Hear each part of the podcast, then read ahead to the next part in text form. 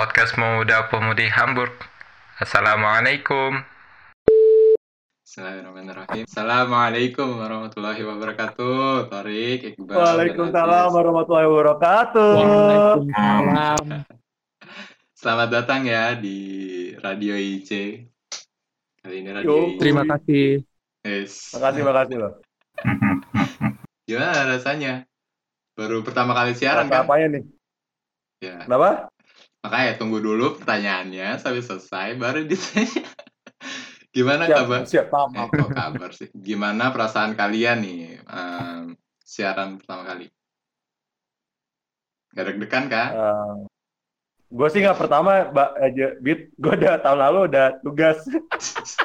Ya, oke. ya seru sih akhirnya nyar lagi siaran lagi. Soalnya kan Hmm, udah lama nggak nge-MC juga, jadi ada siarannya juga seru sih, seru-seru. Oke, oke. Mantap. Kalau Iqbal, Ya, alhamdulillah baik sih. Gak terlalu grogi juga ya. Ini kan lagi ngobrol-ngobrol aja, jadi ya mungkin kerasa nggak terlalu grogi sih, meskipun di siaran gitu. hmm, oke. Wah. Aziz, gimana Aziz? Em, saya sih nggak grogi, Enggak lagi. Karena- sedang santuy. Santuy. Alhamdulillah, alhamdulillah. Iya. Baiknya nih sekarang jangan grogi ya. Nah, selain nggak grogi, kayaknya teman-teman di rumah juga belum banyak yang kenal, belum banyak akan akan akan banyak yang kenal nih setelah ini. Siapa sih? Eh, kita mau mulai dari mana nih? Dari dari Aziz aja deh. Gimana Aziz? Kenalin dong. Ya, halo pemirsa dan pendengar semua. Kenalin, saya Aziz. Iya. Saya di sini adalah mahasiswa dari Politeknik Hamburg, jurusan penerbangan, iya. semester ketiga. Saya sendiri sebenarnya adik kelas dari moderator ini. Oh, sebenarnya saya. Moderator. solusi. Oke. Ada yang mau disampaikan lain nggak, Aziz? Asal, asal dari mana, Jis? Asal dari Asal. mana? Iya, Sal. Oh, kalau saya asal dari Batam, Ya, kata. Bisa bahasanya nggak? di, sebenarnya di sana nggak ada bahasa Batam karena semua orang tuh pendatang. Oh, Di sana tuh Hmm. cuma hutan-hutan yang mana isinya monyet gitu. Aduh, innalillahi. Aduh, mantap, mantap. Kebetulan lokasinya tuh dekat dengan Singapura, jadi orang Batam sedikit banyaknya English bisa lah. bahasa Inggris dan plusnya lagi bisa bahasa Malaysia. Eh, Cakap Upin Ipin. eh, Mantap, mantap. mantap. Nah, kayaknya Iqbal juga menarik nih. Ayo, Iqbal, kenalan diri dulu dah. Eh, dong. Ya, Assalamualaikum warahmatullahi wabarakatuh. Teman-teman pendengar pemirsa semua. Nama biasa nama Muhammad Iqbal Ansori, biasa dipanggil Iqbal. Sekarang juga masih kuliah informatik di sini. Ya. Hmm, terus asalnya dari Cimahi. Seorang asli Cimahi gitu. Oh, ya apa lagi ya? Ya udah itu aja paling. Oh iya, sih, tadi udah disebut ya. Nah, Aziz sama Iqbal ini tinggal di Hamburg di Jermannya. Nah, sekarang kita masuk ke penyiar kita yang lalu-lalu. Namanya Torik. Erik, silakan. Assalamualaikum warahmatullahi wabarakatuh. Waalaikumsalam warahmatullahi wabarakatuh. Yoi. Ya, ya pasti udah pada tahu lah. Kalau belum tahu berarti belum follow Instagram gue @badakbrengos s3237. Nama aslinya Torik Amanela Kota Suandri, eh, umur 23. Hmm. Alhamdulillah udah lulus dari technically tiga unit yang berbeda, tapi pernah tinggal di Hamburg 4 bulan dan pernah menjadi part eh, Abid adalah mantan produserku dan sekarang aktif di dunia dakwah khususnya di Terang Jakarta, kreatif da eh Terang Jakarta menjadi business developer and marketing director plus co-founder dari Terang Studios dan co-trainer di program Hijrah Allah. Itu saja saudara-saudara. Mantap. Wah mantap banget, Bang Torik. Kira-kira Bang Torik udah ada yang punya belum? Waduh, bener tuh pertanyaan. Waduh, eh eh, Jis, Ya udah, udah. ini udah. ngomong pada jomblo semua, Jis. Kita jomblo bisa bilang, insya Allah, Jis. Jangan gitu dong, Jis. Ah, Udah, udah. Nih, kayak udah, udah, udah. Ini kita langsung gini aja.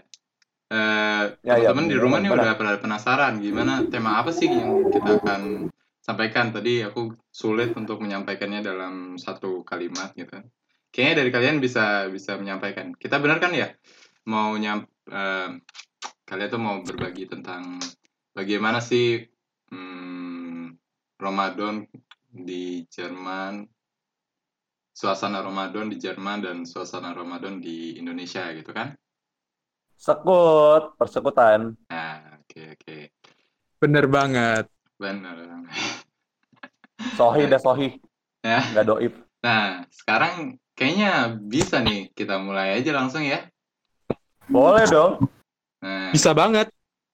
ini kayaknya menarik kalau kita angkat dari suasana Ramadan yang pada umumnya aja deh. Siapa yang kira-kira mau Hah. mau apa namanya? Mau mengutarakan gimana sih eh, kayak Eh. Ya silakan tadi siapa? Siapa siapa? Gimana gimana pertanyaannya belum jelas ini Oh, maksudnya. pertanyaan. Maaf nih yang grogi mah moderatornya. Ya Mas- gini mas ya. jadi moderat- suasana Ramadan di Jerman sama di Indonesia kan. Nah, kalau Nah, oke. contohnya paling dari durasinya tuh gimana sih kalau di Jerman, kalau di Indonesia Oke, juga oke. gimana? Boleh boleh boleh. Terus misalkan karena kita yang di Jerman juga udah lama, nggak di Indonesia jadi lupa mungkin. Terus gimana sih Masya Allah. cuacanya yang mempengaruhi? Ya macam-macam gitu ya. Ah, Ayo coba. Siapa mau mulai? mungkin Hmm, yang residen Jerman kali ya. presiden dulu deh ya. Presiden dulu. Kalau ini deh kita mulai mungkin insya Allah. Kalau misalkan mulai dari durasi kita kalau puasa di Jerman itu mulainya tuh kurang lebih sekarang itu setengah empat kurang lebih lah ya. Besok subuhnya maksudnya setengah empat dan kita kurang lebih sekarang maghribnya tuh jam 9 malam lebih 20-an gitu. Dia Iya, ada- betul banget. ada 17 jam lah kurang lebih buat sekitar puasa ini 17 jam agak lebih mungkin. Terus itu ya bedanya sama Indonesia mungkin ya karena kita kebetulan kalau di Jerman itu puasanya lagi musim panas dan lagi di musim panas itu siangnya lebih panjang. Mhm. Jadi eh, kita berpuasa kebiasaannya lebih panjang daripada orang Indonesia gitu. Nah, Iya. ya itu mungkin kalau dari durasi mungkin kalau Aziz bisa cerita mungkin dari cuacanya misalkan di Jerman sama Indo bedanya apa? Oh iya. iya. Oh, sebenarnya-. Kalau di Jerman sama di Indo tuh bedanya cukup signifikan ya. Soalnya kalau di Indonesia tuh meskipun waktunya relatif sedikit, maksudnya dari jam 5 subuh sampai jam 6 sore, ya kurang lebih 12 jam, itu tapi rasanya berat gitu. Karena Hmm. cuacanya sangat terik sekali men- sehingga kita tuh jadi haus terus lapar juga berasa karena banyak iklan-iklan sirup marjan yang berseliweran di TV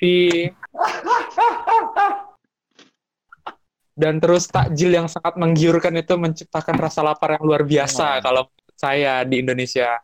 Hmm. Nah, kalau di Jerman sih walaupun waktunya lebih panjang tapi di sini so-so sebisa mungkin tuh tetap stay cool gitu. Karena di sini cuacanya memang nggak terlalu panas, di sini relatif mendung, berawan, Mungkin.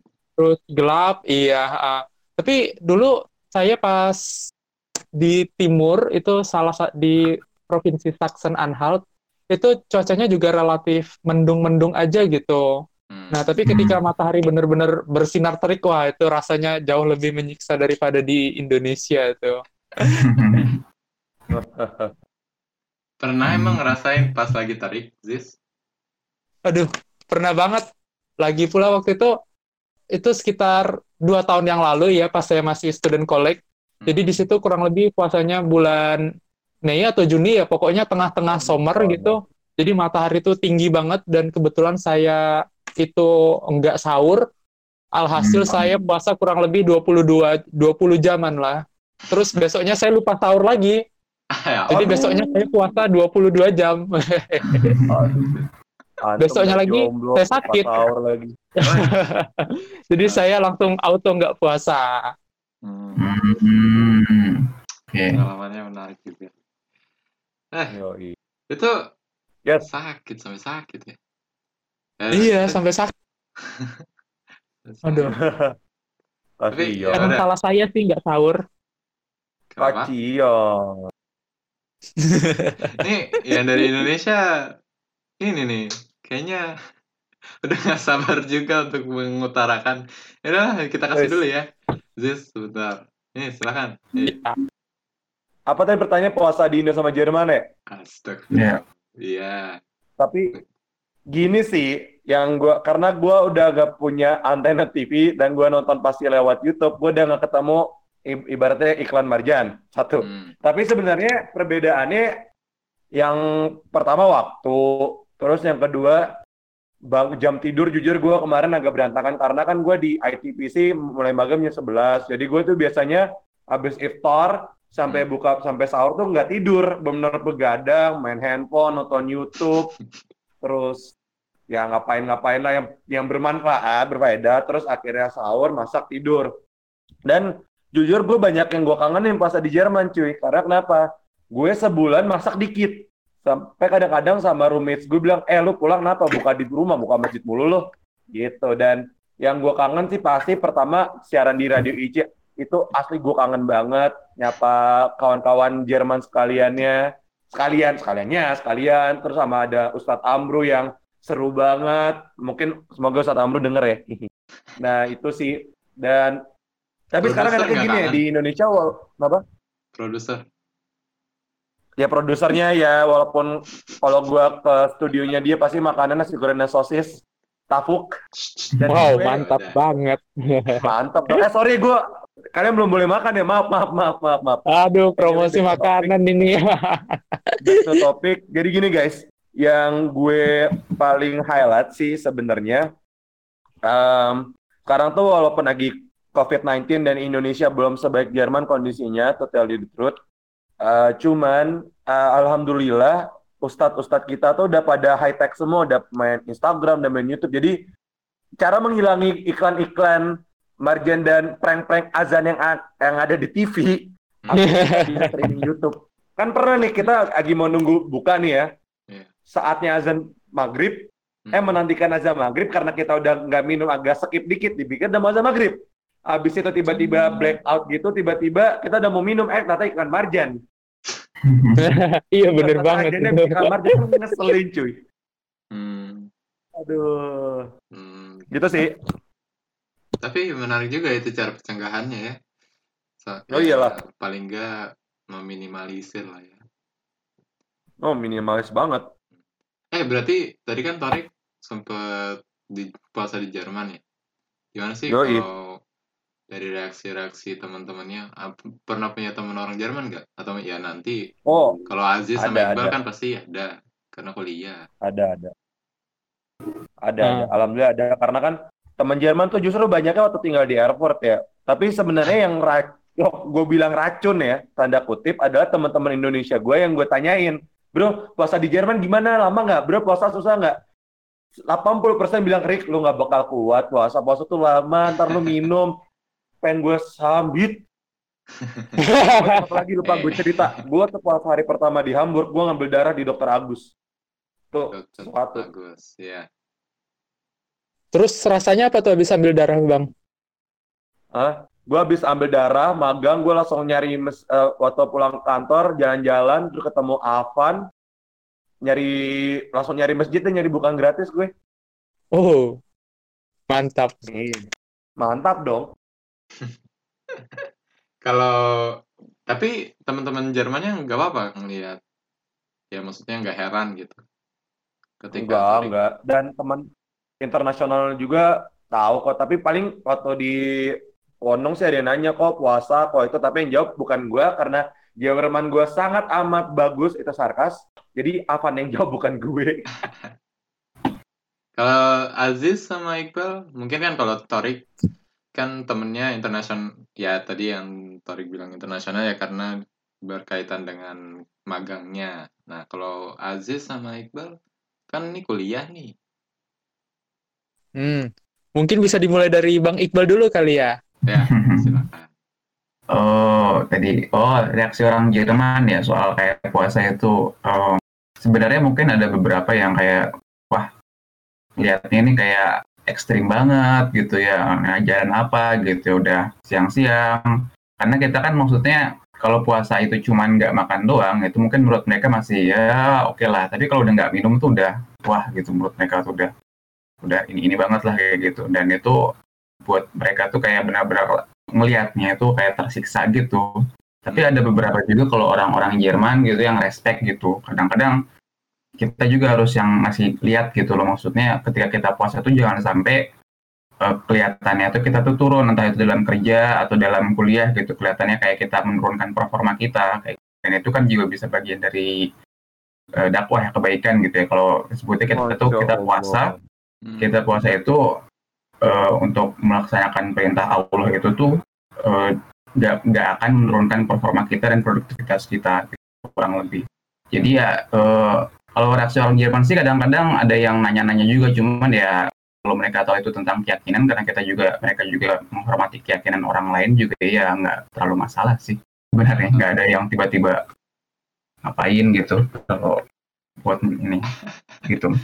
Itu sih paling Jis gimana Jis? Kalau- Kalau saya sih sama reaksinya teman-teman saya juga pada nanyain bro kok lu puasa sih? Emang puasa untuk apa? Itu kan menyiksa. Nggak bro puasa tuh nggak nyiksa kok. Gampang gitu. Saya Asik, selalu asik, jawab asik, kayak asik. gitu.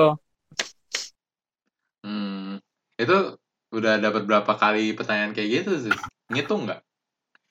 Em, ngitung nggak pernah ngitung tapi emang banyak banget pertanyaan dari teman-teman sekitar gitu. Kadang sampai dosen tuh pernah juga nanya Ajis kamu puasa beneran? Nggak makan nggak minum? Iya. Gimana rasanya? Pasti tersiksa sekali ya oh enggak kok. Buktinya saya nggak pernah pingsan sampai sekarang. Ah, saya cuma jawab seperti itu. Yes. Dan saya juga nih, nyampein kalau puasa tuh sebenarnya nggak menyiksa. Buktinya orang juga sampai sekarang belum ada orang mati karena puasa gitu. Langsung si dosen saya nih ngangguk-ngangguk oh iya ya bener juga lu bro gitu. Oke, Masa kakek Aku baru. sama gurunya. Ajis. Ini lagi Iya, student kayak- college atau lagi per- iya waktu prakuliah masih atau? student college gitu. Oh, masih student college. Jadi kan dulu saya kebetulan jadi anak emas sama si dosen itu gitu. Nilai saya bagus bukan. dia. Alhamdulillah. Bukan Nah, terus main. ngomong-ngomong kayak gitu, tadi kan Aziz pernah, eh Aziz pernah, iya Aziz pernah kan tadi, Aziz pernah nggak sahur, tuh gimana Iya, Aziz? Lagi apa namanya? Lagi musim panas, nggak sahur, terus akhirnya sakit Nah. keesokan harinya. Iya. Allah. Ya, maksudnya apakah emang karena sahurnya terlalu dekat dengan buka atau gimana sih eh, waktu yang Aziz lagi alamin gitu? Oh, so jadi gini waktu itu karena kita lagi di puncaknya musim panas, bun- Iya. puncaknya summer. Jadi waktu itu tuh puasanya itu siangnya panjang sekali dan malamnya tuh singkat. Nah, jadi pada saat itu Isya tuh se- seingat saya setengah 12 malam gitu. Jadi saya tuh sampai ngantuk-ngantuk nungguin Isya-nya gitu kan. Abis Isya terus saya sholat sunnah lainnya gitu kayak terawih sama witir. Hmm. Nah, Masya tapi Allah. Pada saat itu sayangnya waktu sahurnya tuh pagi sekali, kurang lebih jam 3 atau jam setengah tiga gitu. Jadi saya emang pas awal-awal tuh masih bisa sahur, aku bisa sahur, aku bisa sahur. Lama-lama badan saya tuh ngerasa capek banget karena di push terus gitu. Eh, tidur malam, bangun pagi. Jadi akhirnya kelewatan. Oh, Jadi yang sulitnya itu mengatur jadwal tidur di musim panas. Lagi kayaknya pula Aziz, Isya tahu Hah? deket banget jaraknya Oh, gitu. Kayaknya Aziz harus harus dengerin podcast nih. Ini Waduh. Sekalian promosi dikit lah ya. Soalnya teman-teman P3H Gimana ada podcastnya. Ada podcast. Wah, Gimana menarik tips-tips? kali. Menarik, Gimana? menarik.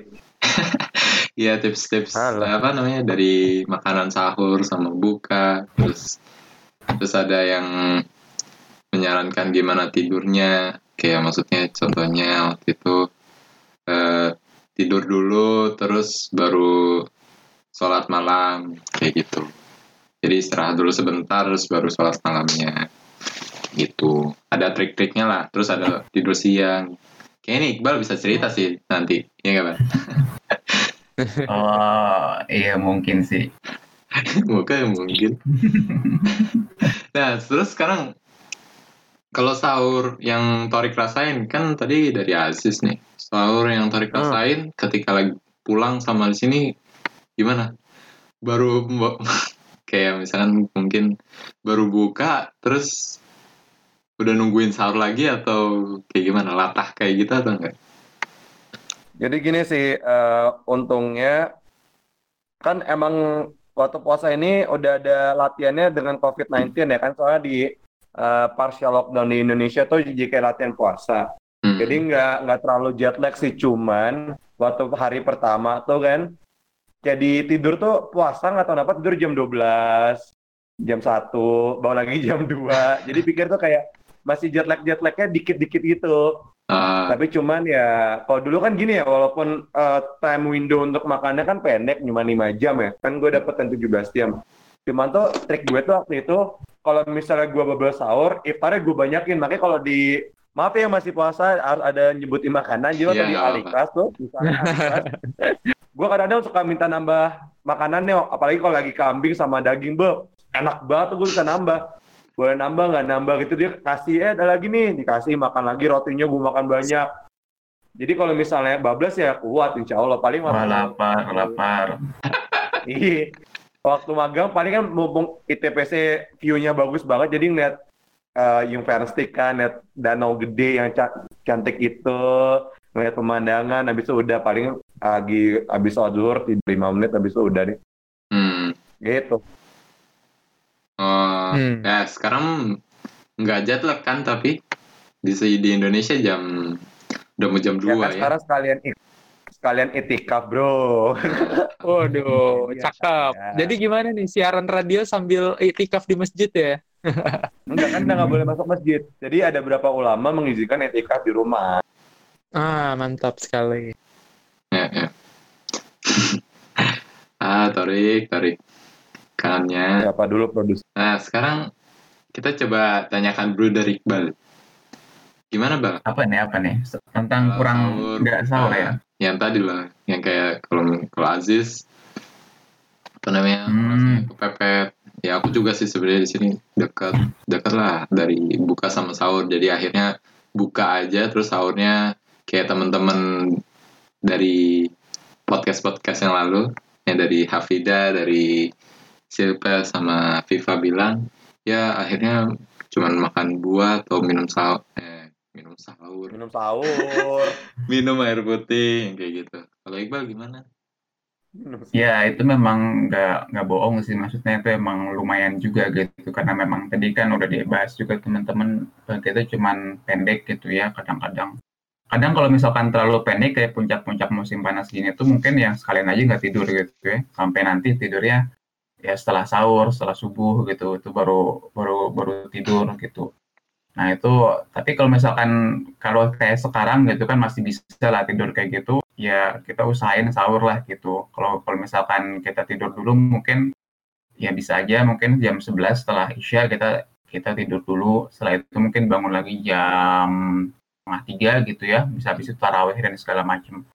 Nah kalau misalkan setelah eh, kalau tahun ini eh, pernah nggak sahur sih, ya pernah sih. Tapi alhamdulillah mungkin ya hikmahnya dari tadi corona mungkinnya karena di rumah terus jadi nggak terlalu banyak keluar. Biasanya kalau capeknya tuh kalau dulu nggak sahur di sini tuh keluar terus panas kayak gitu terus kuliah dan segala macam beraktivitas itu yang bikin capek. Tapi kalau sekarang kalau cuma di rumah aja sih eh, nggak terlalu rasa capek gitu. Jadi alhamdulillah kayak gitu. Kasur Itu itu sih. ini ya Bal.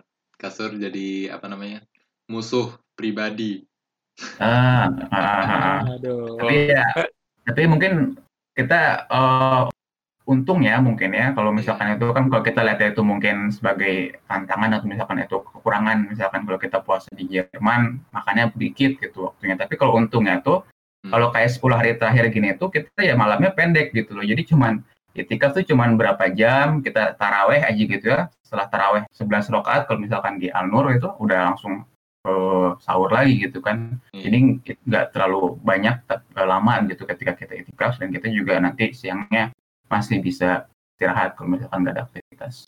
Hmm, Itu sih kalau misalkan. Betul, betul. mantap. Tapi Bang, bukannya kalau Ramadan di Jerman tuh nggak ada libur ya?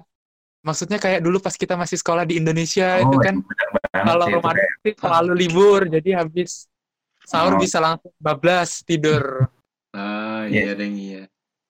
Ya, di, di Jerman sih ya memang mungkin karena kita negara minoritas muslim kalau dulu kan zaman zaman SMA tuh ya kayak wah Ramadan tuh langsung pada banyaknya pesantren kilat terus Iya. sekolah juga lebih siang atau mungkin lebih pendek waktu belajarnya gitu nah kalau di kita di sini ya karena memang em, orang-orang juga sebenarnya mungkin nggak tahu gitu orang Jerman kalau kita nggak bilang kita lagi puasa ya mereka juga nganggapnya ya biasa-biasa aja gitu lagi nggak puasa gitu Hmm. Eh, jadi ya kita memang di salah satu yang mungkin hikmah ya yang bisa diambil ya di apa ya diarahkan atau diforsir untuk tidak menjadikan alasan puasa ini untuk menurunkan aktivitas kita gitu kalau Iya. misalkan lagi puasa Mhm. Hmm.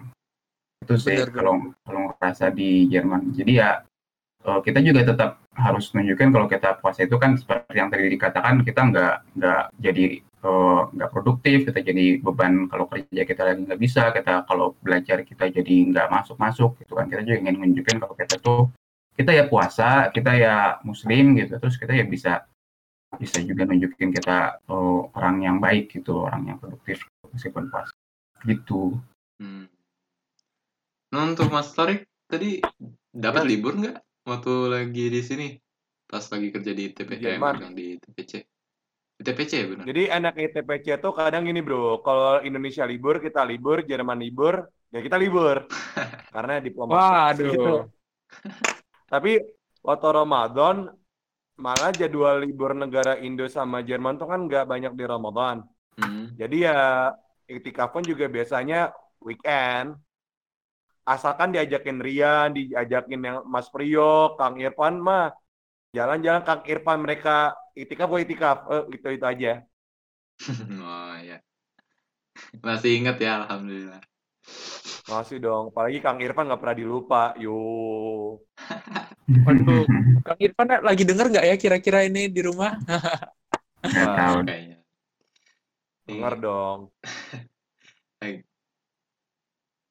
Oh, belum masuk live chat. Tenang, tenang. Belum dibalas sama Kang Irfan kalau dengerin apa. Oh, lu jangan buat gue deg-degan dong kalau mendengar, bos. Jangan dong Baik, bos. tangan Kenapa?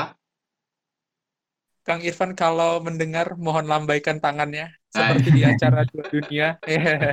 Ya elah. Eh, Kalau kan lu tobat bro. ada ada ini. Ada suatu yang sangat ketara yang tadi sempat disinggung di awal ketika Iya. Bilang apa namanya perbedaan puasa di Jerman sama di Indonesia. Itu bagian takjilnya. Ya, nggak apa-apa lah ya kita ngomongin Kali. takjil sedikit Wah, tapi saya makanya bersemangat bos. cuman biar Waduh. kayak teman-teman kita di Indonesia pun tahu kalau misalnya di Jerman tuh kita gimana sih terus ya kita Hmm. jadi tahu juga teman-teman di Indonesia perkembangannya gimana mungkin aja ada makanan-makanan baru yang kita nggak tahu kan gimana Hmm. Iya betul betul betul. Hmm. Oke, Mungkin bisa dimulai dari Bang Iqbal dulu kali ya yang paling sering iktikaf dan buka puasa di masjid atau Bang Betul. Torik. Aduh, Keren banget. apa ya? Eh, Tajil. Iqbal itu calon menantu idaman. Bagi yang orang tua, orang Ya, tua yang tuh. denger tuh sikat Iqbal. ya Waduh, Bang. waduh. Apa tadi tak takjil di Jerman ya? Kalau takjil di Jerman tuh mungkin eh, menarik dan ramenya sih. Kalau puasa di Jerman tuh kan kita pertama Muslim tuh minoritas di sini. Terus kita tuh ada beberapa masjid gitu di ya Mindestan di minimal di Hamburg gitu kan ya di Hamburg tuh ada beberapa masjid misalkan masjid Pakistan, masjid Arab, masjid Turki. Nah itu yaitu selain ngasih takjil tadi juga dia juga ngasih buka buka besar gitu buka puasa besar buat buat di masjidnya kayak gitu. Nah itu itu tuh menariknya tuh jadi kayak kita tuh bisa hari ini tuh kita mau makan makanan Turki, kita besoknya kita mau makanan Pakistan gitu ya kari-kari gitu ya Hmm. ke masjid Pakistan. Dan itu takjilnya juga beda-beda meskipun ya paling umumnya tentu kurma pasti ada gitu ya. Semua Hmm. pasti ada. Tapi kadang-kadang di Pakistan kita bisa dapat kayak gorengan, bisa dapat kayak buah, bisa kayak dapat eh, terus kalau ke Turki bisa dapat baklava gitu kan ya. Wah, baklava enak banget Ah, tuh ya. Ya itu Antum semua puasa. Sabar ya sih. baklava ya baklava buat yang belum tahu tuh kayak kue manis gitu, kue manis oh, khas Turki kayak gitu. Itu itu juga enak banget dan itu eh, terasa banget gitu kalau bedanya mungkin dari Indonesia tuh karena kita internasional dari muslim dari berbagai negara gitu ya. Itu pun jadi persaudaraan antara muslimnya itu kerasa gitu ketika puasa gitu dan dan itu juga bisa jadi bilang juga bisa lebih hemat juga pas ini pas Ramadan mungkin ya karena mungkin banyak yang pak segala macam masih itu sih ya sebelum ya kalau sekarang sih mungkin nggak ada tapi biasanya tahun-tahun sebelumnya ada Hmm. itu aja mungkin kalau Ajis mungkin ada yang ditambahin lagi Em, saya sih nggak ada. Ya gak apa sih. Oh, Pernah Oh, buka iya, puasa ada ini nggak? ada buka tambahan. puasa di masjid-masjid gitu? Sempat. Iya, saya waktu itu buka puasa di masjid Turki gitu. Jadi kalau di tempat saya dulu itu bukanya tuh relatif yang berkari-kari gitu, seperti kari ayam, terus ada Oh. peratanya, oh ya ada doner gitu. Yang berat-berat Oh. langsung. Entah kenapa orang sini tuh emang makanannya tuh langsung yang besar-besar gitu. Kalau saya mah cuma makan kurma, minum air. Ya, beda juga lah sis. Kita coba coba lihat dah waktu lagi sholat. Ya Allah, melunjang tuh? tinggi mereka. Terus besar-besar. Oh, Ya nggak sih? kayak tiang bener. Ngerasa sa- jadi Iya. kayak anak-anak kalau sholat raweh tuh. Tapi mungkin kalau kalau Torik tuh sebesar mereka gitu. Jadi nggak kelihatan lah. Nggak kelihatan. Nggak ketara. Ini besar maksudnya apa nih Bang? Bang moderator nih, Bang Abid. Besar, badannya, lebar atau besar tinggi? Iya. Kayak Mainnya menjulang. ambigu ya. Terus berewokan kan. Iya. Sempat di ini nggak, Rik? Sempat dikira bukan orang Indonesia nggak? Kayaknya Oh, Iqbal pernah punya pengalaman itu juga tuh. Di airport gue pernah. Jadi kan di airport, eh sorry di Ilmenau kan kotanya kecil tuh. Dulu kan gue pertama kali di Jerman tuh di Ilmenau. Hmm. Gue lagi lari sore, belum Ramadan. Terus ada kayak beberapa orang Arab lagi main basket. Nah, gue datang teman gue lagi break lari kan. Iya. Nah, terus yang orang Arab tuh ngomong pakai bahasa Arab ke gue. Tapi gue kan pernah belajar, jadi gue ngerti dikit kan. Iya. Terus gue ngomong bilang, I cannot speak, I, I was Arabic speaker. Terus bilang, oh ya sorry, sorry, sorry, sorry. Akhirnya diajak main. Diajak Jadi main. dia mikir gue orang Arab, udah ada biasa. Oh. Diajak main ini, main basket. Main basket. Oh, basketnya nggak lupa kan cara mainnya gimana? Enggak, tapi gue suka jiper bro. Oh. Kenapa Gini, Jadi tuh cerita gini kan gue main basket, gue mau nggak jago, tapi mereka ada yang tidak lebih jago daripada gue. Dan satu saat ada satu orang yang baper cuy, berantem, Oh. kayak debat gitu. Nah tapi kan karena gue pernah belajar bahasa Arab, jadi gue kayak pernah tahu nih kata-katanya. Terus gue kayak ketawa-ketawa aja di pojok kantor, dia bilang, lo kenapa ketawa? "Eh, kan gue bilang gue pernah belajar bahasa Arab, kayak ini familiar nih, kenapa nih baper? Terus dia bilang, iya karena nggak dikasih bola. Oh, oke oke. Oh. Masya Allah. Iya, ini bahasa Arab penting juga ya. Sekarang sekarang. Penting bro. Ah, nah, ini apa tadi? Aku mau nanya ini tadinya. Apa? Torik itu eh tentang takjil sama buka bersama Ah. di masjid. Nah, kan ini Torik salah satu eh, apa ya? Bilangnya aktif nih di. Indonesia. Kan kalau dulu Yes. contohnya kalau dari aku di yang kebuka informasi-informasinya paling eh, makanan-makanan masjid dari SMA atau dari SMP atau dari SD Atau ya pokoknya dari mas daerah masjid di sekolah lah karena ya kegiatannya cuma di sekolah aja. Tapi kalau keluar em, sangat jarang karena ya cuman bareng keluarga. Kalau keluarganya bisa berangkat ya berangkat. Kalau enggak ya aku di rumah. Gitu kan nggak ada sim nggak ada apa-apa ya nggak bisa. Harus di rumah ke masjid nggak ada rumah. pasangan juga, gimana? Nggak ada pasangan juga ya. Eh, Waduh, denger yang itu nggak denger pasangan. Parah, parah, parah, ikut tahu nih, parah, parah, parah. Ah. Ya terus apa? Nah, gini. Nah, kan sekarang Yes. berhubung Torik informasi itu pasti lebih banyak dapatnya kan. Gimana sih ceritain dong? eh, sebenarnya tuh kalau di Indonesia di titik-titik mana aja sih atau gimana waktu kalian lagi ngurusin buka Oke, ya bukaan untuk teman-teman daerah. Siap bro. Jadi gini bro, di Hmm. Indonesia tuh ibaratnya itu tergantung situasi kondisi bro. Ada kan, gue kadang buka bareng sama teman-teman gue, misalnya di PIM, terus buka bareng di The Breeze, buka bareng kayak di kafe. Ada juga kalau gue lagi kegiatan di luar, lagi meeting atau lagi di tempat les dulu kan gue les musik, itu ada juga di masjid pernah, terus kalau saudara juga pernah. Sebenarnya tergantung situasi kondisi. Cuman selain kurma, menu wajib buka puasa di Indonesia adalah gorengan. Ada bakwan, ada tahu isi, ada tempe. Jadi Waduh, berminyak semua. Oh iya, makanya Indonesia puasa, gue kadang-kadang suara abis itu bisa jadi penyanyi rock.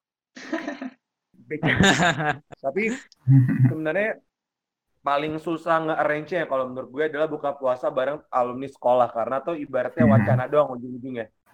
Bilang ada bilang di grup, eh bukber yuk, ayo kui kui kui kui kui kui sampai puasa entah kapan sampai viral main TikTok sekedal se- terkenal siapa tuh TikToker gak bakal jadi kalau misalnya nggak ada yang ayo jam segini di sini. Oke, makanya kalau dulu ciri khas pas gue pasti satu ada satu hari kita ke PIM dan buka puasa di situ.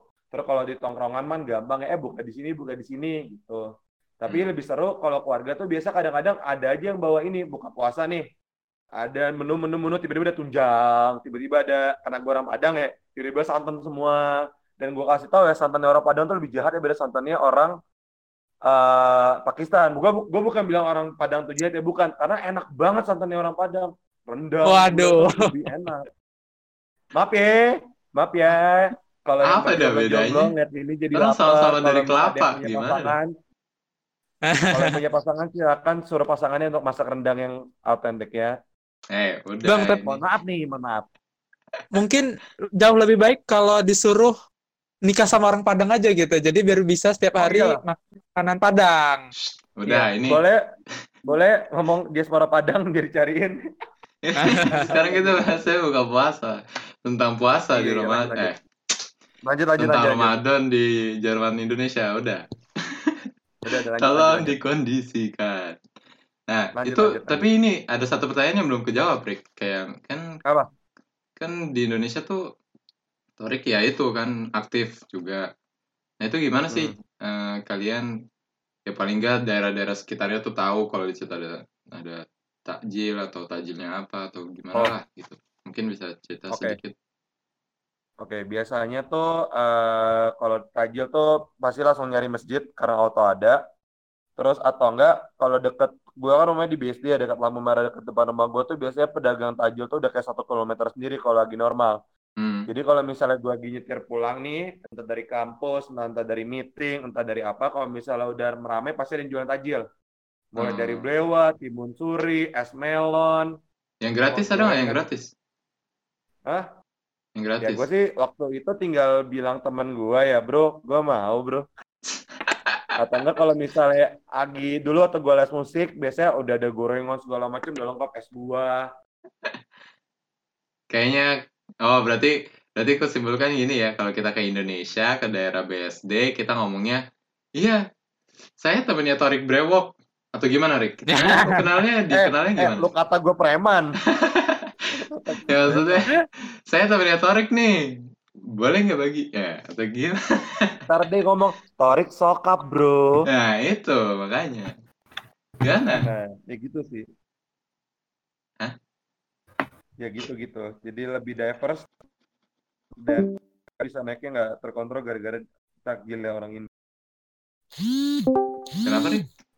Putus-putus? Eh, kadang-kadang ini kita bisa kayak berat badan lu naik bro. Gara-gara takjilnya lu luar biasa semua. Waduh. Dari yang gratis bener sampai yang sampai yang beli gitu maksudnya. Yong kru. Hmm.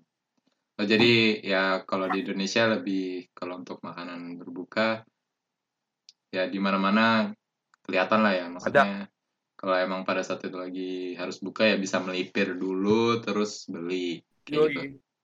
Terus bilang Yoi. saya temennya Torik gitu. Enggak, enggak itu enggak itu enggak itu enggak itu enggak. Oke oke oke. Nah Oke, menarik juga.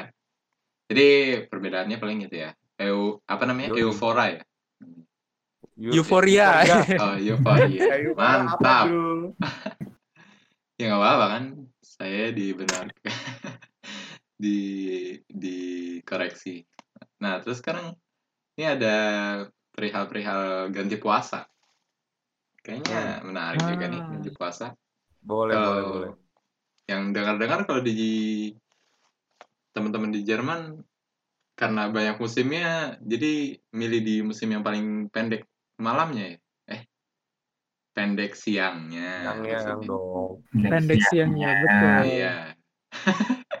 Kira grogi nih kayak mau kayak mau ijab kabul. apa? Udah, skip. Eh apa tadi?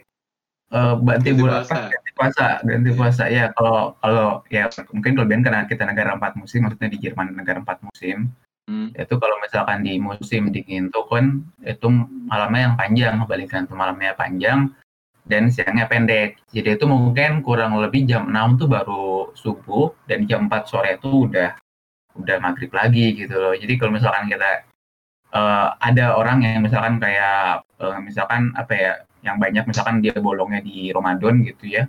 Bisa juga tuh jadi alternatif dia gantinya tuh di musim dingin gitu Hmm. karena lebih pendek gitu.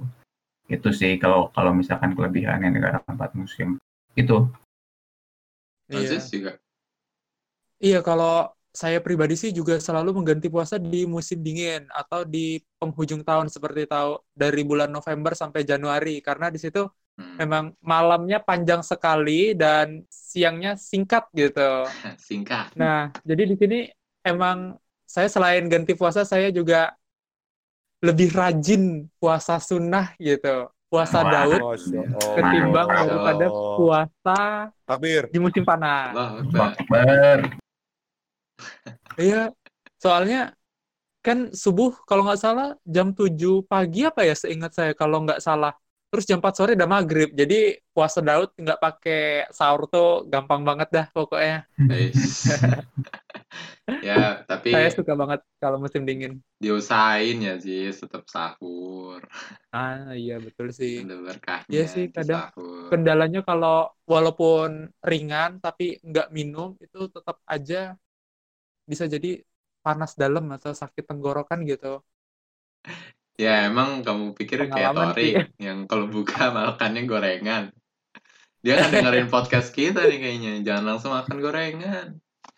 Eh, Siap, siap, siap. Ntar gua promote, ntar gua promote. Siap, siap. gimana Rick kalau dari Tori?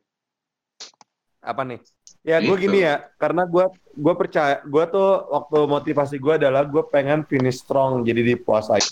Jadi Hmm. gue percaya tuh bahwa gue akan tinggal di Jerman lama lagi tuh akan ibaratnya rare opportunity ya. Jadi gue bilang oke, gue bodo amat apa yang orang bilang puasa Jerman susah, gue sikat, buat lakuin deh, gue all out ya. Alhamdulillah gak ada yang bolong sih ke- eh, di puasa kemarin. Alhamdulillah. Alhamdulillah dong. Jelas. Iya itu tadi ada all out dan ini juga patut apa namanya kita garis bawahi Iya, mumpung kasih ampun bro. iya kayak kan datangnya setahun sekali bulan Ramadan terus ya all out gitu kayak tadi All out. terus Jangan kasih lagi ampun. kita udah masuk apa namanya 10 hari terakhir 9 deh Yoi. tadi aduh ya Allah udah ngomong 9 juga ngomong-ngomongin udah ngomong eh ngomong-ngomongin udah ngomong lagi ngomong-ngomongin tentang 9 hari terakhir Hmm. ini kan pasti lagi gencar-gencarnya ibadah malam ibadah malamnya digencarkan lagi dan apa Betul. namanya amalan-amalan yang lainnya. Eh, Oh. Gimana sih suasananya eh, iktikaf di iktikaf terus tadarus, eh, tarawih dan bahkan pun tahajud di Indonesia maupun di Jerman gitu. Dan mungkin bisa juga pas lagi saat lockdown ini. Kayaknya dari yang tema-tema yang lain, yang poin-poin yang lain dari lockdown sama enggak, kayaknya nggak beda jauh ya. Kecuali yang dari ibadah malam ini atau? Iya iya, pasti beda jauh. ya sih. Iya. Nah, sekarang yang di ibadah malam nih, Hmm. yang di ibadah malam. Eh, Yes. mungkin yang yang sempat keangkat tadi tuh kayak kita waktu lagi sholat di sini di Jerman ketemunya orang-orangnya kan beragam lah dari berbagai negara ya Hmm. karena postur orang Indonesia memang relatif kecil ya kita Mhm. ketika lagi sholat terus apa namanya ber apa namanya buat saf gitu kita tuh kayak lihat ya Allah kita diapit wah ya pokoknya diapit lah gitu karena aku Yo, juga bro. ini pengalaman pertama tuh waktu Mhm. lagi sholat malam di Mhm. Jerman ya gimana nih pendapat teman-teman kayak Siapa dulu, siapa dulu? salah Eh, udah eh, boleh deh. ya enggak Kalau mm, 10 hari terakhir di Jerman ya itu juga menarik banget sih meskipun karena kita malamnya pendek sih kalau nggak ada kayak di Indonesia tuh yang bisa sampai sejus lebih satu taraweh gitu segala macam karena kita yang pendek malamnya. Tapi itu biasanya itu kalau kita tuh kan karena pendek tuh jadi eh, kalau misalkan kita buka di masjid eh, kita buka di masjid terus kita bisa itikaf sampai isya mungkin sekitar jam 11-an tuh Hmm. jam 11-an tuh uh, kita isya, habis itu langsung taraweh biasanya. Habis taraweh, taraweh mungkin 8 rakaat gitu ya. Habis itu taraweh 8 rakaat atau kadang taraweh itu diundurin lagi. Jadi habis taraweh itu uh, setelah taraweh selesai dan witir yang selesai itu kita udah langsung sahur lagi gitu. Dan itu uh, mungkin ya bedanya dengan Indonesia karena oh, apa ya? Oh, tadi apa jamaahnya ada dari berbagai macam negara gitu itu menurut menurut sih itu tuh kayak eh, ini ini banget lah beda banget tapi ya memang eh, sangat kalau di 10 hari terakhir sih dibanding Indonesia sih bedanya itu aja sih sebenarnya kalau ibadah misalkan tarawihnya eh, kebanyakan eh, imamnya orang-orang Arab juga karena mungkin di masjid Arab kalau di masjid Turki biasanya 23 rakaat orang Turki itu lebih cepat cuman ya orang Turki juga juga sisanya ya sebenarnya kurang lebih sama kayak di Indonesia. Oh iya, kalau di eh, di ini setelah setelah kita taraweh juga eh, subuh eh, sahurnya itu biasanya ada yang ngasih lagi gitu misalkan di masjid lagi ada yang ngasih lagi. Jadi kayak Hmm. kita full gitu di masjid tuh di masjid tuh dari maghrib sampai eh, subuh tuh kita di masjid Hmm. itikaf tuh jadi Hmm. Oh juga di di kalau bedanya mungkin ya sama sih di Indonesia juga dia kayak dikasih juga minum minuman kalau pas pas lagi taraweh gitu ada yang ngasih minuman Hmm. juga itu juga kayak eh, banyak intinya kayak eh, kelihatan banget gitu orang-orang tuh lagi berlomba-lomba dalam eh, kebaikan lagi sedekah gitu di 10 malam Hmm. terakhir itu ya nggak di Indonesia juga insya Allah sama itu mungkin ada yang mau tambahin nah itu Aziz, Aziz. eh, Ziz Em, nggak ada sih udah diwakilkan semua sama Bang Iqbal. Aman banget ya Allah. mentang-mentang nama kamu eh, siapa Iqbal Aziz ya Iya.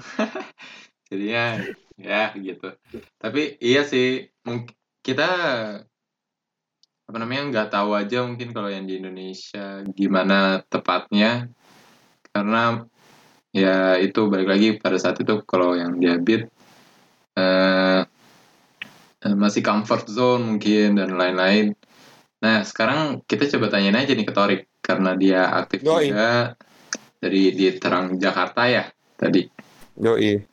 Nah ya kan mungkin teman-teman dari panitia atau dari teman-teman pengurus-pengurus yang lainnya sempat ngadain acara-acara kayak gitu kayak soal jamaahnya. Wal- Yap. yang walaupun kalau diceritain sama Iqbal tuh tadi kita di Jerman tuh kita ngikut. Kayak maksudnya kita datang ke masjidnya yang diselenggarakan oleh panitia yang lain yang dari negara lain gitu kan. Nah kalau Hmm. dari Tangerang Jakarta sendiri tuh gimana? Atau Sebenarnya gini, ya Oke. Bismillah. Ah. Jadi gini bro, eh, kita tuh terang Jakarta, karena kan orang terang Jakarta tinggalnya nggak satu komplek ya. Jadi kadang-kadang ya mostly mereka di masjid masing-masing. hmm, Jadi sebenarnya gitu. Cuman yang gue senang di di Jerman tuh waktu gue pernah iktikaf beberapa kali sama Mas Priyo, sama Rian, sama yang lain, sama Kang Irfan. Itu terakhir gue lihat sholat yang di mana ada empat mazhab satu masjid itu waktu gue umroh 11 tahun yang lalu. Dan gue lihat lagi itu di Jerman yang di mana gue lihat ada ada yang Maliki, Hanafi, Syafi'i, hambal itu ada semua dan itu gue langsung kayak ini tuh persatuan banget dan keren. Hmm. Kalau di Indonesia rata-rata sama semua bro dan Ah. rata-rata gini, misalnya kayak waktu gue gue pernah mabit kan acara sekolah gue lama kan buat mabit tuh, tapi Hmm. tarawihnya di Masjid Atin. Nah biasa tuh kalau di Indonesia kalau lo sholat 23 rakaat, Iya. ntar akan ada satu gerombolan orang nih yang jemaah 11. Jadi ketika udah uh, tarawihnya 8, dia pindah ke belakang buat witir sendiri, abis itu pulang. Oh, yang tukeran gitu ya? Iya, iya, inget Bukan inget. tukeran, dia punya jamaah aja sendiri di belakang. Nggak Hmm. tukeran. Ya. Terus sama Yang- paling kalau etika tuh ada Oh. yang stay di masjid, kayak abinya teman gue itu dia mau stay di masjid. Kalau sekarang pun karena dia punya musola, dia stay di musolanya dia. Ada juga yang Oh. ibaratnya habis taraweh pulang, ngambil perbekalan, berangkat lagi ke masjid. Dan biasa di masjid-masjid ada yang kayak supla, bukan supplier ya, yang ngasih makan tuh ada basi, insya Allah. Donatur. Gitu. Donatur yang ke Oh. supplier sih. Ya, supaya. Seratorik lah. Oh iya. Ya. Ah, oh nambahin dikit kalau misalkan kita di Jerman juga tuh biasanya sih kita bukanya tiap Jumat Sabtu tuh ada di KJRI juga gitu. Makan. kangen tuh. Ya itu makanan Indonesia, full ustadz dari Indonesia kita ini datangin segala macam tuh. Kita sampai taraweh pokoknya di KJRI itu dan itu benang. Kalau misalkan kangen, kalau kita udah cukup dengan suasana internasional gitu ya, kita pengen ke taraweh yang Indonesia gitu ya. Nah itu kita ke KJRI dengan takjil yang gorengannya segala macam gitu, itu itu, Wah, itu penting banget Hmm. gitu. Oh, jadi ada. teman-teman di Hamburg nih nggak ini ya, nggak nggak terlalu homesick lah ya, karena masih bisa ketemu suasana Indonesia iya, di KJRI Bener itu. Hmm.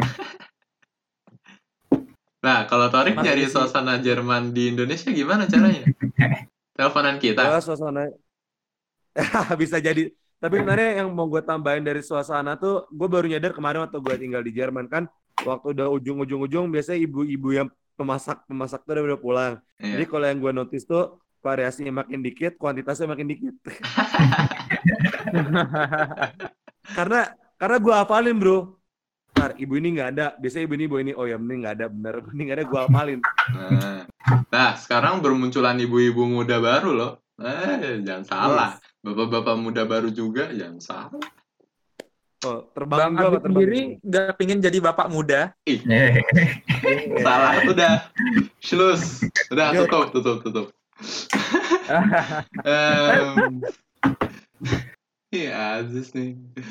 Curang ya. Ya, nih, tapi ngomong-ngomong tentang live chat juga, kayaknya belum ada live chat yang masuk. Di Torik ada nggak dari teman-teman Indonesia? Kayak lagi pada itikaf bro. Iya ya udah. Kayaknya kita juga udah masuk ke penghujung acara juga. Nih bentar lagi 10 menit sebagai informasi Siap, ke. Torik juga. 10 menit lagi insya Allah kita buka di sini waktu masuk waktu buka. Nah mungkin ada dari teman-teman ya. ini dari Torik, dari Iqbal, dari Aziz yang Hmm. ingin menyampaikan satu dua patah kata eh satu dua patah kalimat untuk teman-teman pendengar sekalian. hmm, siapa ya? Siapa nih mau? Jadi deh, eh, Bismillah. Eh, apa? Mungkin kalau misalkan penutup mungkin ya, kita mungkin tadi kita ngobrolin tentang pengalaman kita puasa di Jerman, pengalaman kita puasa di Indonesia gitu ya.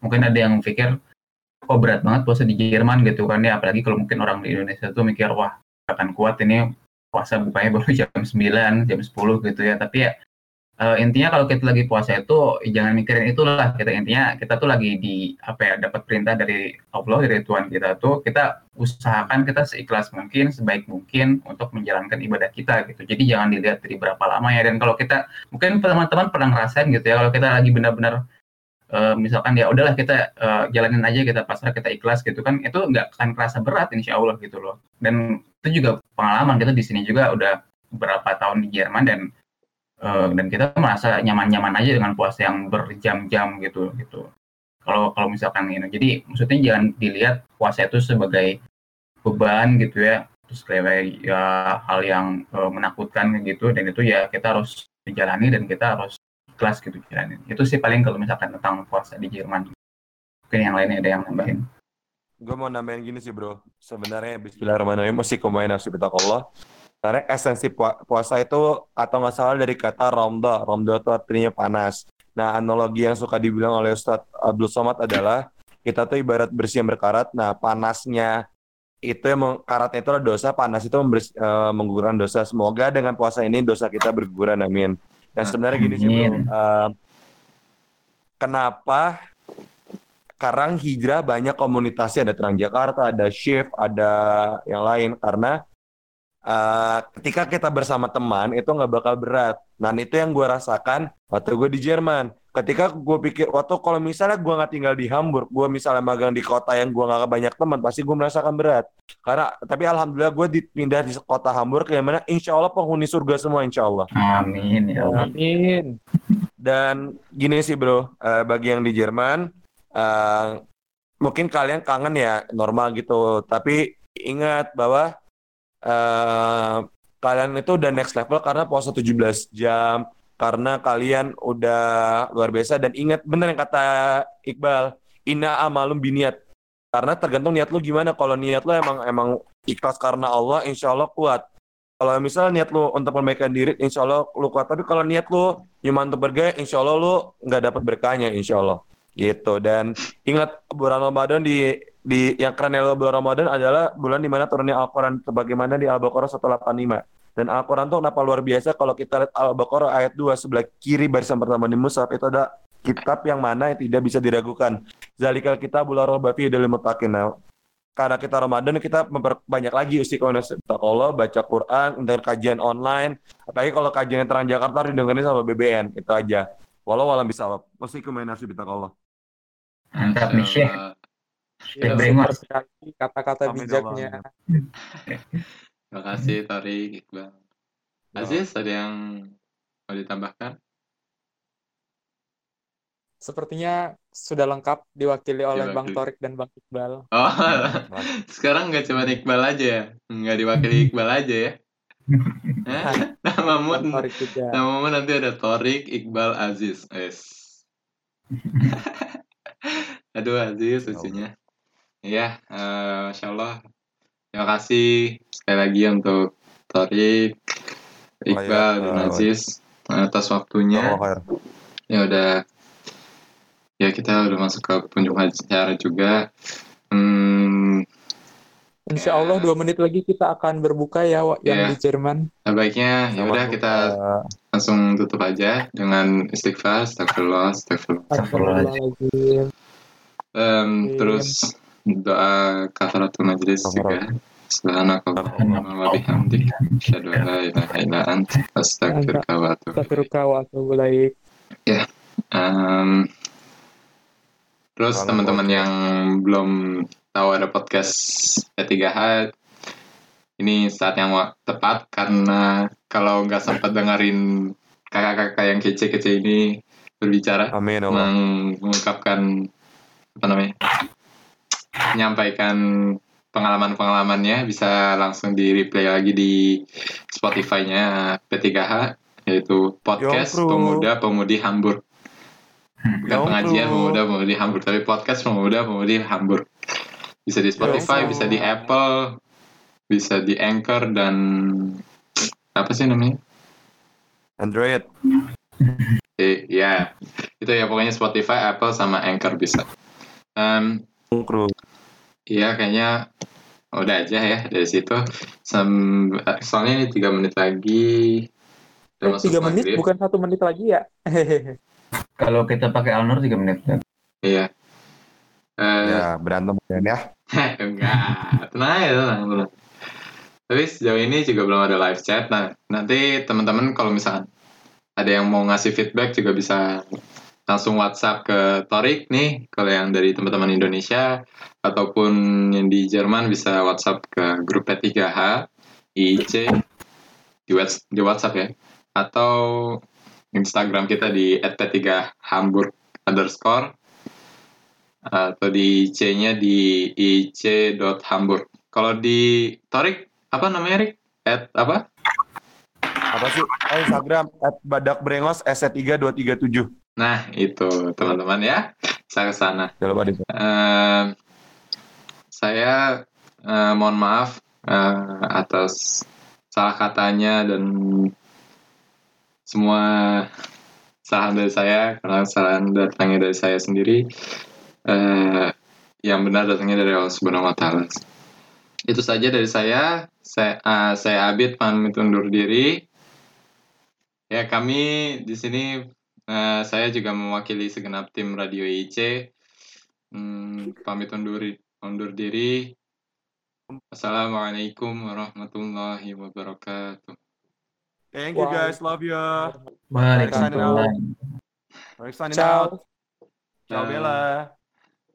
Dah.